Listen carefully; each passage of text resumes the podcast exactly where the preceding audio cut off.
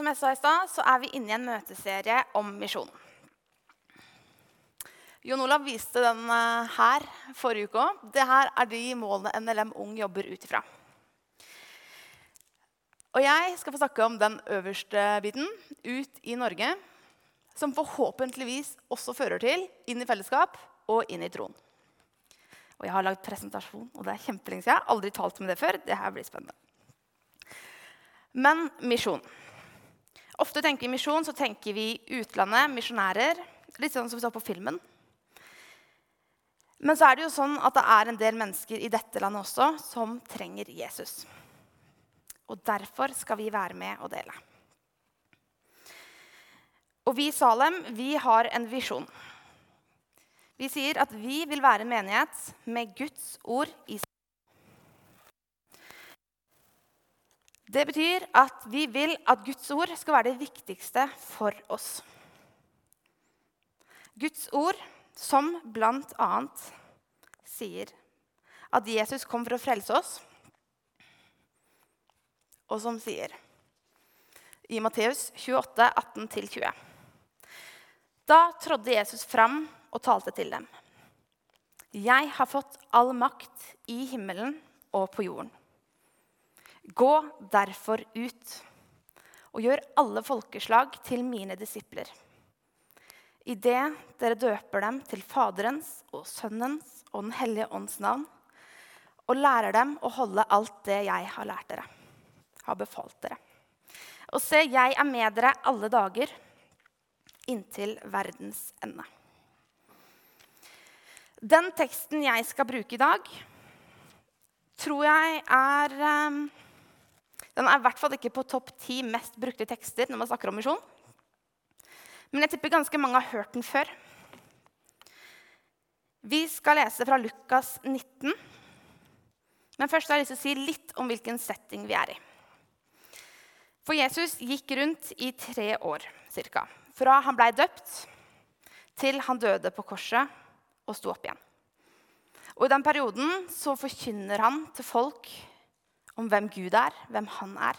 Og han gjør mange under. Og nå når vi kommer inn til Lukas 19, da er vi helt på slutten av den tida Jesus levde på jorda.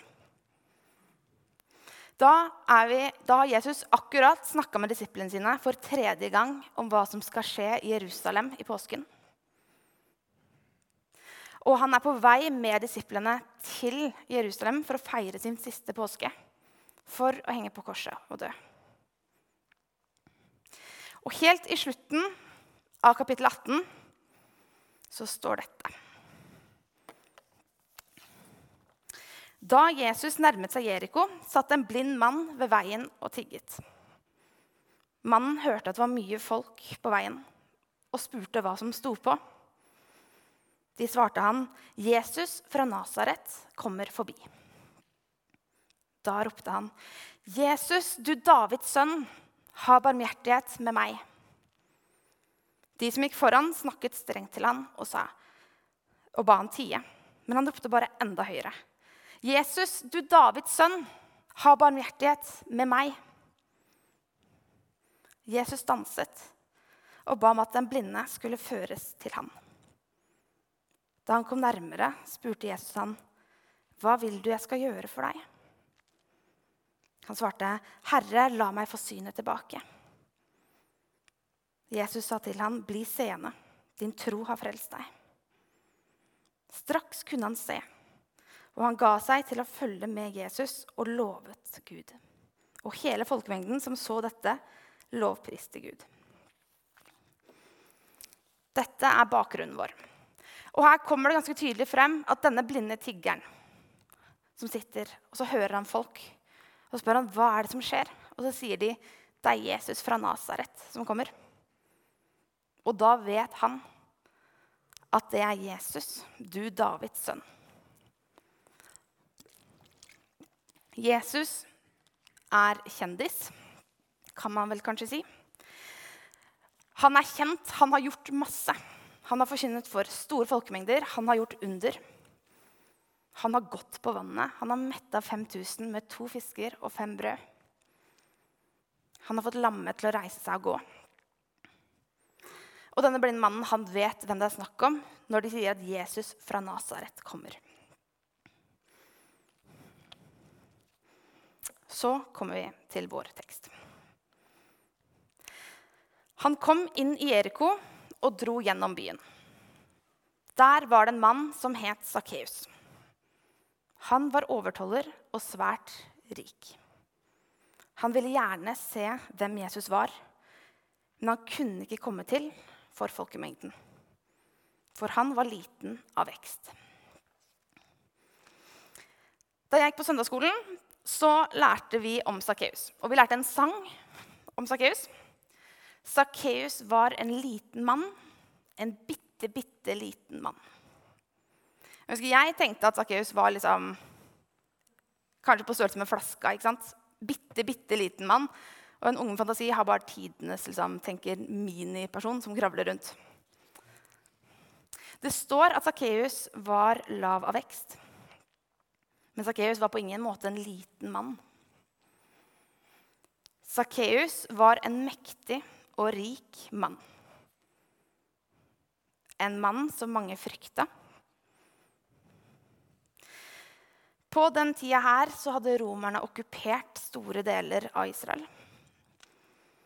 Og ved grensene inn til områdene de hadde kontroll, så satte de opp toller, eller tollboder. Og Det betydde at hvis du skulle dra fra et sted og ut eller inn, så måtte du betale penger.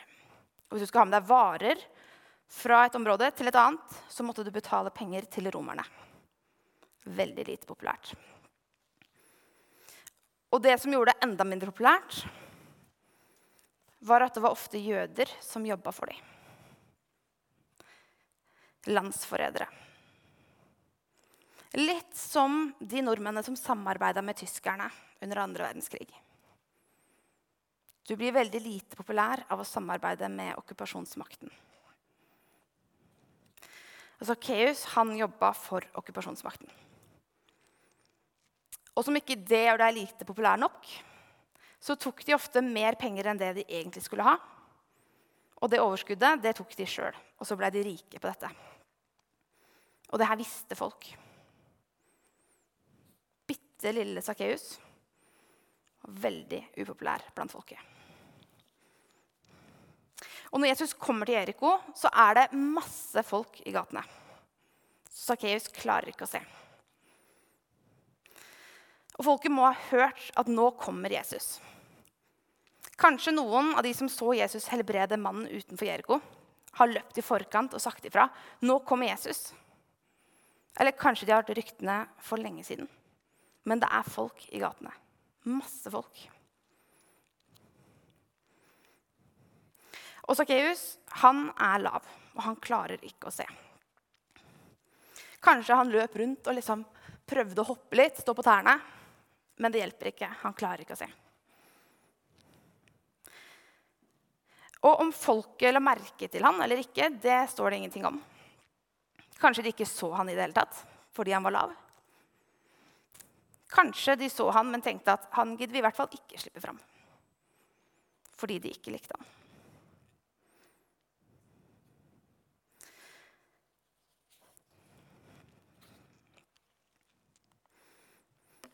Da løp han i forveien og klatret opp i et morbærtre for å se ham på et sted hvor han måtte komme forbi.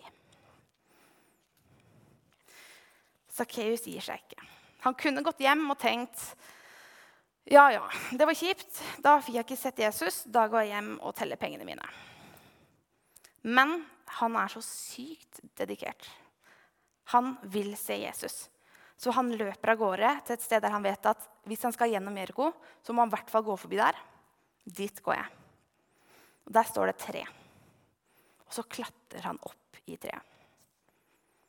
Og jeg skal love at Det var ikke noe vanligere på Jesus sin tid at voksne mann klatra i trærne enn det det hadde vært i dag. Men han klatrer opp og setter seg der og venter på Jesus. Jeg vet ikke om dere kjenner til morbærtreet. Da jeg var liten, trodde jeg det var jordbærtre. Det er det ikke. Morbærtre er et tre som eh, vokser bl.a. på områder der det er veldig tørt. For morbærtreet har dype røtter. Og Det gjør at det får tak i vann selv der det er vann, veldig vanskelig å få tak i vann. Så der ingen andre planter og trær klarer å vokse, der vokser morbærtreet. Og I tillegg så har det ganske lave greiner. Greinene starter nærme bakken. Og Det gjør at det er tre som det er mye lettere å klatre i enn mange andre trær. Og opp i det klatrer Sakkeus. Og da Jesus kom dit, så han opp og sa til han, 'Sakkeus, skynd deg ned, for i dag vil jeg ta inn hos deg.' Jesus ser Sakkeus oppi treet. Selv om det er masse folk, så ser Jesus Sakkeus. Og jeg tipper at Sakkeus ikke hadde kjempelyst til å bli pekt ut der han sitter oppi dette treet. Men Jesus ser han.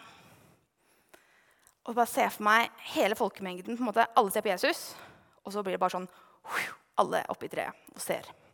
Og der sitter mektige Sakkeus oppi treet. Og så sier Jesus, 'Jeg vil være hos deg'. Sier at han ønsker å ha fellesskap med Sakkeus.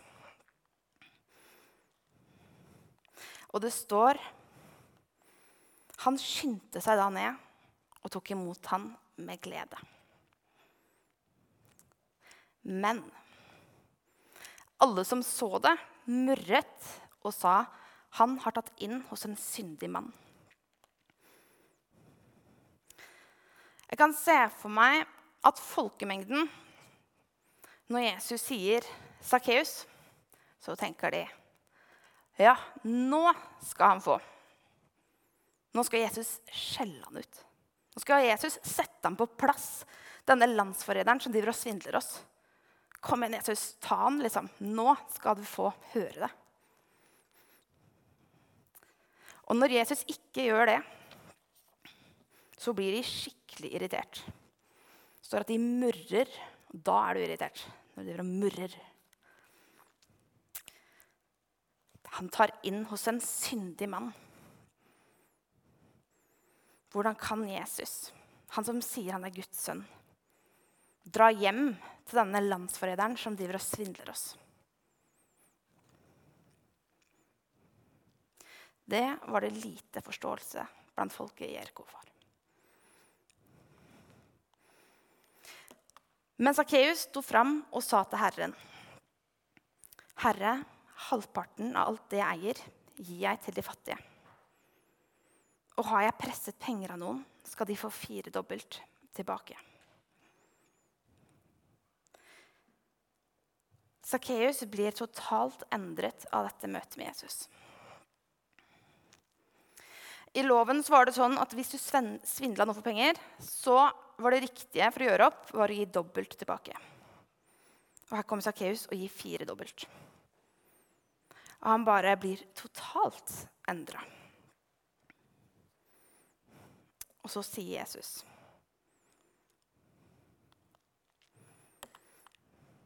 I dag er frelse kommet til dette hus. For også han er en Abrahams sønn. For menneskesønnen er kommet for å lete etter de bortkomne og berge dem. For menneskesønnen er kommet for å lete etter de bortkomne og berge dem. Jeg tror at i denne fortellingen, som i veldig veldig mye annet i Bibelen, så er det noe vi kan lære av dette i våre liv i dag. Og jeg tror I denne fortellingen så er det tre ting, tre roller, som vi kan kjenne oss igjen i. Og første er Sakkeus. Kanskje vi er som Sakkeus. At man sitter og kjenner på at 'jeg har gjort så sykt mange dumme ting'. Jeg har tatt valg som gjør at jeg ikke er verdig å komme til Gud. Og så klarer vi ikke å bryte ut av de vanene heller. Og så tenker vi at da kan ikke Gud ville ha noe med meg å gjøre. Men Jesus sa jo selv at han kom for å finne de bortkomne og berge dem. Så vil jeg si at Jesus sa ikke til Sakkeus Sakkeus, gi bort alle pengene dine. Gi tilbake igjen alt du har tatt. Og så vil jeg komme og være med deg. Jesus møtte Sakkeus akkurat der han var, i treet, og sa at han ønsket å være sammen med ham. Og det forandra Sakkeus.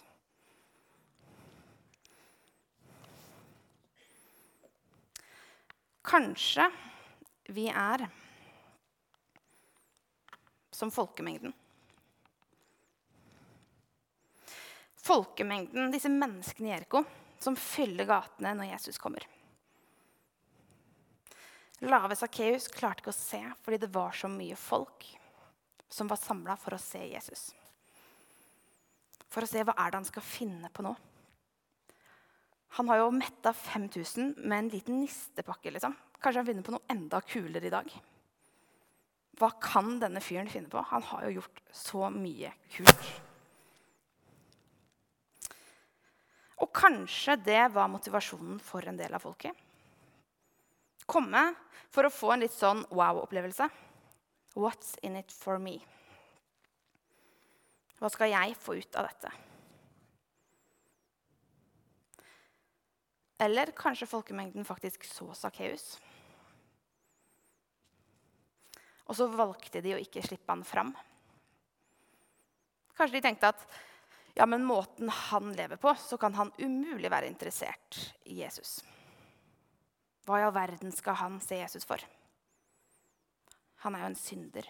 Han lever jo så vanvittig forskjellig fra hvordan vi skal leve. For vi mennesker er gode til å sette mennesker i bås. Bare ut fra et førsteinntrykk kan vi fort få et inntrykk av ja, du er som oss, du er ikke sånn som oss.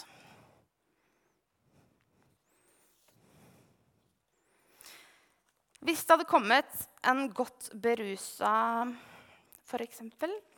ung voksen inn dørene her i Salem når vi hadde møte, og banna og steika høylytt, hva hadde vi tenkt? Hadde vi tenkt 'så bra at du er her'? Så sykt bra at du har funnet veien inn til vårt fellesskap. Eller hadde vi tenkt ok, noen må bare få han ut før han lager for mye bråk? Før han forstyrrer for mye? Han er sikkert gått feil. Vi må bare få han litt rolig ut, så vi kan ødelegge møtet for oss. Eller hva med menneskene som du møter der du er i din hverdag? naboene du møter på, kollegaene dine eller de du studerer med?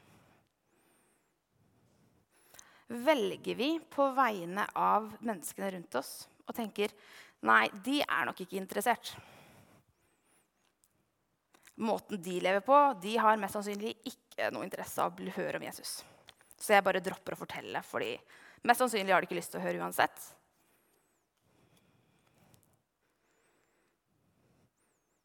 Jesus er nok ikke noe for de, for de er ikke sånn typisk Salem-folk. Og hvis de i tilfelle hadde vært interessert i å høre om Jesus, ut ifra hvordan de lever, så tipper jeg at de, ja, kanskje de kunne gått i Imi eller Hillsong. Men ikke i Salem, i hvert fall. Der er vi litt ordentlige, liksom. Det er en skummel tanke å tro at vi vet hva andre trenger, og hva andre er interessert i.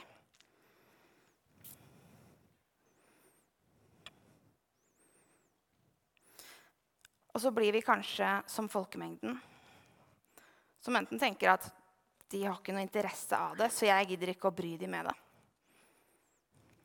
Eller ja, men jeg er inne i dette for min del. Jeg har ikke tid til å se på alle mennesker rundt meg. What's in it for me?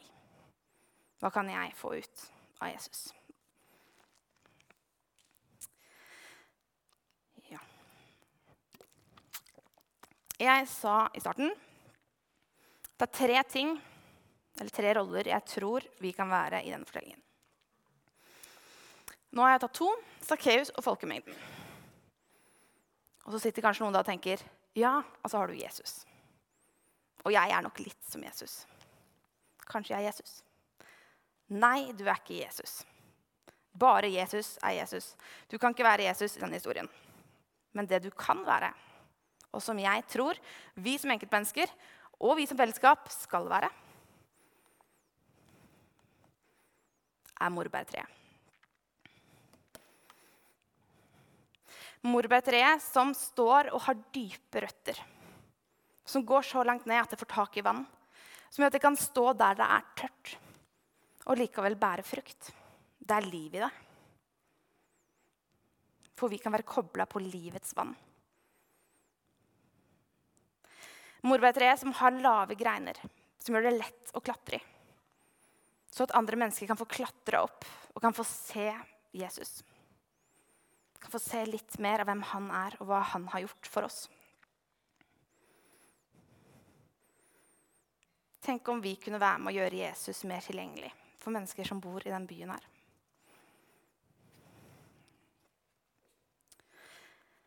Frans av Assisi han sa en gang 'forkynn evangeliet'. Om nødvendig, bruk ord. Forkynn evangeliet, om nødvendig, bruk ord. Og det er fint. Og tenk hvis det var sånn at fordi vi levde gode liv, så så folk og så tenkte de Jesus. Men jeg tror at i Norge i 2018 så er det helt nødvendig å tørre å bruke ord. Det er så mange mennesker i dette landet som ikke aner hva vi tror på. De aner ikke hvem Jesus er. De har kanskje hørt Jesus, men så stopper det ganske fort der. De vet ikke hvorfor vi tror han kom i jula. De vet ikke hvorfor han døde i påsken.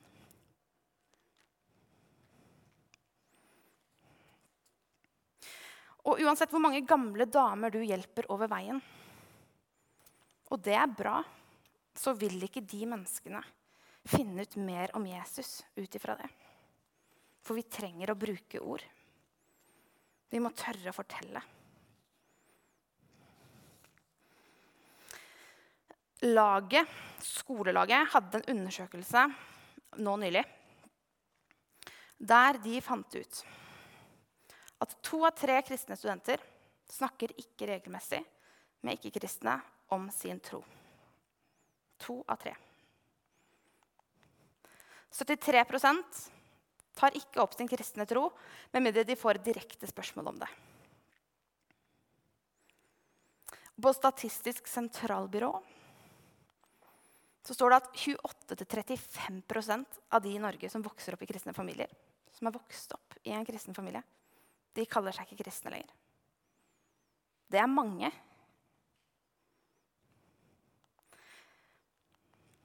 Ca. 50% i Norge regner seg som religiøse.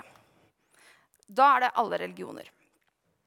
Men kun 19% deltar på et eller annet møteform.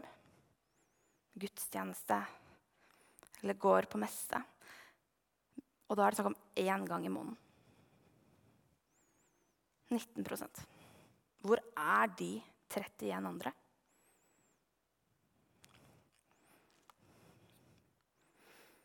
Jeg tror at hvis folk skal komme til Jesus, så må vi tørre å snakke. Vi må tørre å dele. Vi må tørre å starte samtaler om hva vi tror på, og senke greinene våre, så det er lett å klatre opp i treet og se Jesus. Vår kristne tro er personlig, men den skal ikke være privat. Og der er det en ganske viktig forskjell.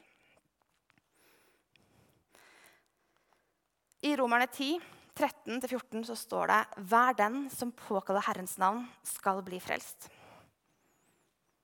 Men hvordan kan de påkalle en de ikke tror på? Hvordan kan de tro på en de ikke har hørt om? Og hvordan kan de høre uten at noen forkynner?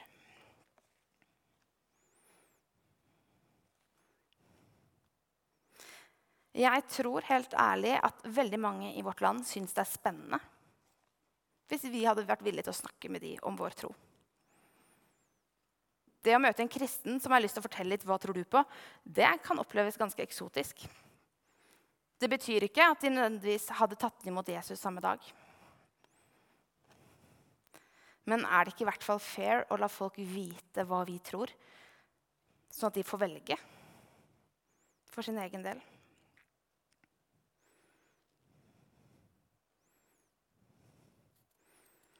Og kanskje de menneskene vi ser, som vi tenker ja, ut ifra hvordan han eller hun lever, så har de i hvert fall ingen interesse. Kanskje det er de som er mest interessert. Utrolig dårlig gjort å ta fra de den valgmuligheten. Til i hvert fall få velge å høre. Det er skummelt når vi begynner å velge på vegne av andre. Hva de vil og ikke vil hvem det er håp for, og hvem det ikke er håp for. For vi tror jo at når Jesus kommer tilbake, da er det for seint til å komme på at kanskje jeg burde delt noe med hun som satt en rad foran meg i auditoriet på universitetet. Kanskje jeg skulle ha sagt noe. Jeg kunne jo nevnt hvert fall, at jeg var kristen til den naboen som jeg stadig vekk møter ved postkassa. Og som vi snakker om været. Og ja, i dag var det fint vær som du jevnlig møter. For seint å ville dele Jesus med han kollegaen som du har tilbrakt 37,5 timer i uka med. Uke etter uke.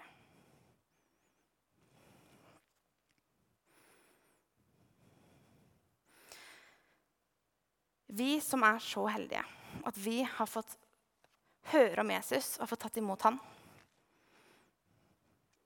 vi som går i denne menigheten, vi mangler ikke steder vi kan få påfyll. Jeg tror vi er morbærtrær som står med røtter godt og dypt planta. Vi har møter her i menigheten. Du har bibelgruppe, du har Logos bibelundervisning. Du har podkaster med uendelig mye taler på nett. Du kan få møte Gud gjennom lovsang og bønn, andaktsbøker. Det er et hav av muligheter. Jeg tror ikke det er røttene våre, som er problemet. Der tror jeg vi stiller sterkt.